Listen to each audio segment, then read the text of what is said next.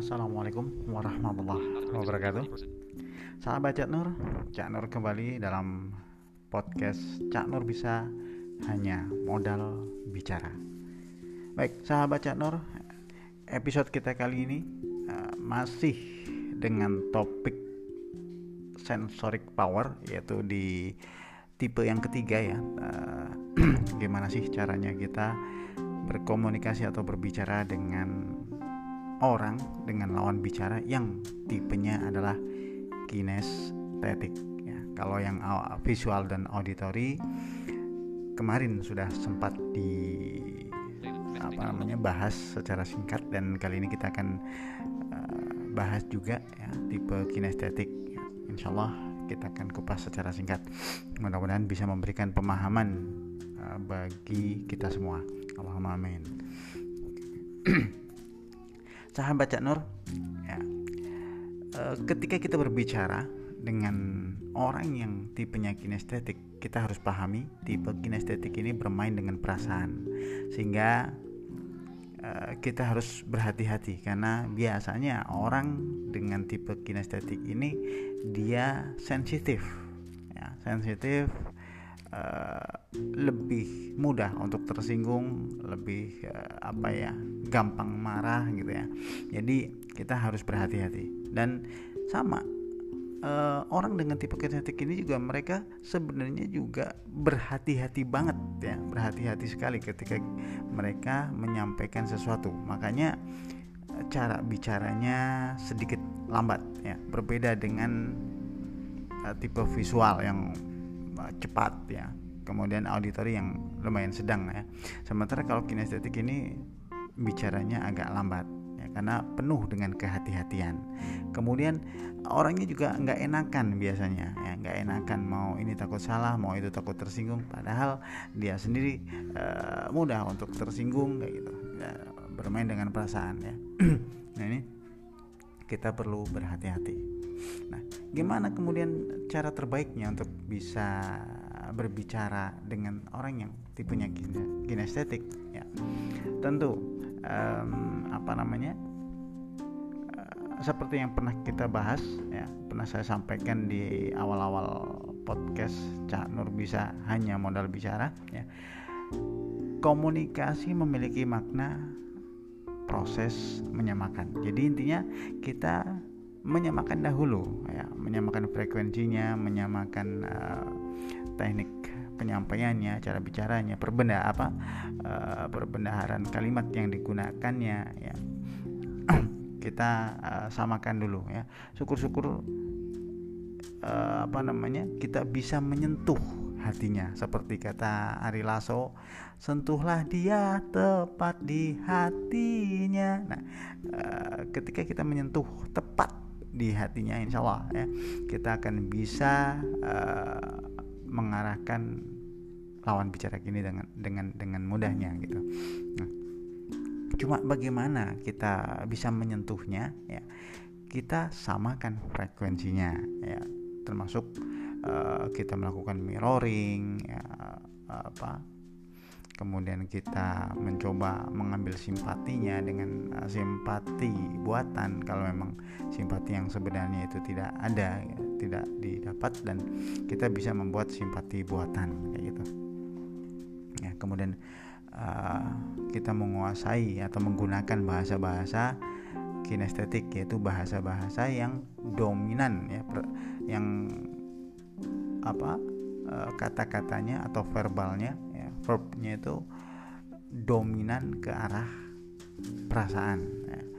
seperti menggenggam menyentuh atau apa merasakan. Nah ini adalah tipe-tipe kinestetik. Seperti yang pernah saya sampaikan di episode uh, saya pernah contohkan dan saya pernah mengajak anda semua ya, untuk uh, membayangkan sebuah jeruk ya kalau tidak salah di episode landasan kerja otak di bagian ketiga. Di sana saya meminta sahabat Cak Nur semua untuk uh, membayangkan uh, ada jeruk di hadapannya. Dan ya, di situ saya menggunakan bahasa-bahasa agar anda semua bisa merasakan uh, apa yang saya rasakan. Ya, dengan dengan mengarahkan di sebelah kanannya saya letakkan uh, alat tulis di sebelah kirinya saya letakkan apa namanya penghapusnya kemudian di hadapannya itu ada ada selembar kertas kayak gitu. Ini uh, salah satu contoh bahasa-bahasa kinestetik kayak gitu. Jadi apa namanya uh, semua strategi dan teknik bicara kita uh, mengkerucut ke arah hati ya bagaimana kita bisa membuat lawan bicara kita ini turut merasakan apa yang kita rasakan ya, contohnya ya, mungkin kali ini akan saya berikan contoh yang berbeda ya.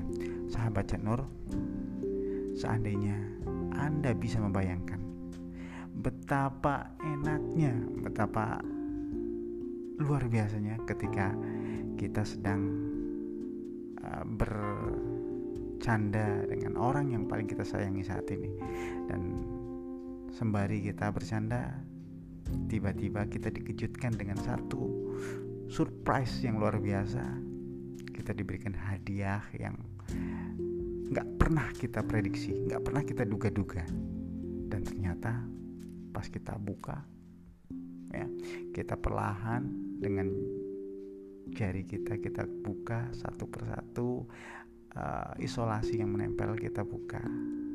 Kemudian kertas pembungkusnya kita buka walaupun uh, walaupun sangat terkat tapi kita bisa dengan berhati-hati kita akan buka tiba-tiba ya pas bungkusannya ini berhasil kita bongkar ternyata ini adalah hadiah yang paling istimewa dari orang yang paling kita sayang.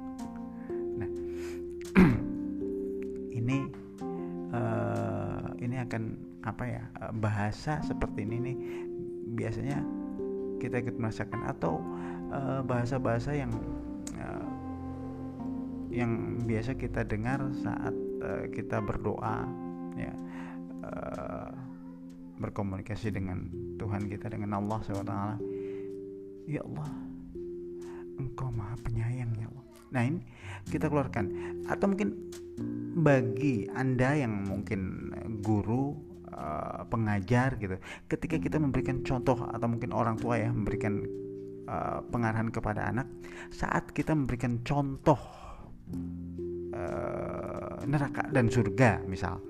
Kalau kita menggambarkan neraka itu dengan tertawa, dengan guyonan ya itu nggak bakalan masuk dalam batin bawah sadar si anak atau peserta didik kita tapi kalau kita menggunakan uh, penjiwaan kita bisa merasakan bisa memberikan uh, bahasa kinestetik yang tepat peserta didik akan ternyuh akan terharu contohnya uh, mungkin banyak di antara Ustadz kiai atau pengajar yang masih salah dalam memberikan contoh apa namanya gambaran neraka.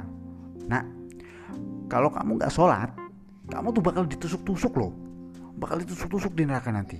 Kamu bakal dibakar di sana. Ya, kamu bakal wah nggak pokoknya rasanya nggak enak banget. Nah, ini satu contoh yang memang kita diarahkan untuk membayangkan tapi itu tidak kena anak-anak nggak bakalan takut akhirnya jadi oh kayak gitu ya nah batin bawah sadar mereka menangkapnya kayak gitu. Tapi seandainya kita mengarahkan kepada peserta didik kepada anak atau kepada jamaah kita dengan uh, penjiwaan yang luar biasa. Ya jamaah atau mungkin ke anak-anak nah seandainya kamu selama ini nggak pernah sholat saya khawatir nak kalau kamu nanti masuk neraka gimana rasanya gimana rasanya nak? Kalau kamu sampai ditusuk-tusuk di neraka sana kemudian dibakar di sana. Ayah nggak tega nak. Nah ini anak akan akan turut merasakan.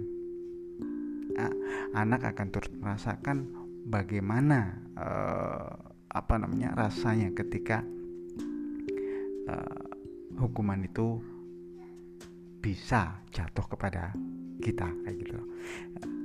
Ya kurang lebih itu adalah analogi dari uh, teknik berkomunikasi dengan tipe kinestetik ya. Mudah-mudahan sahabat Cak Nurul semua bisa uh, memahami bisa menyerap apa yang saya sampaikan. Dan insya Allah ya buat uh, buat sahabat Cak Nur yang ingin sharing ya monggo silakan saja. Dan saya masih tetap menunggu saran serta kritiknya untuk evaluasi podcast ini dan untuk uh, apa namanya masukan bagi saya. Oke? Okay? jadi saya tunggu saran dan kritiknya melalui aplikasi telegram di @caknur bisa atau melalui messenger di m.me garis miring caknur bisa ya. monggo silakan saya tunggu saran dan kritik terbaiknya mudah-mudahan uh, saya dan sahabat Nur semua bisa saling sinergi untuk uh, bisa mengembangkan uh, apa namanya kebermanfaatan satu sama lain kayak gitu. Oke, sahabat Cak Nur di penghujung podcast uh, kembali saya ingin mengingatkan dengan sebuah quotation ya. Memandanglah sejauh kita mampu berpikir. Jangan hanya berpikir sejauh kita mampu memandang. So, gunakan terus akal kita untuk berpikir. Jangan berpikir uh, dan gunakan uh, gunakanlah terus pikiran kita untuk berbagi uh, agar jauh lebih bermanfaat bagi sesama. Oke, karena sesungguhnya tidak ada action yang sempurna tanpa ada manfaat yang melekat di dalamnya. Baik. Sekali lagi sahabat Canur, saya tunggu saran dan kritiknya di aplikasi Telegram @caknur.com dan Messenger di m.me garis miring caknur apa caknur bisa. Terima kasih, salam hangat dari saya. Sampai ketemu di episode berikutnya di Caknur bisa hanya modal bicara. Assalamualaikum warahmatullahi wabarakatuh.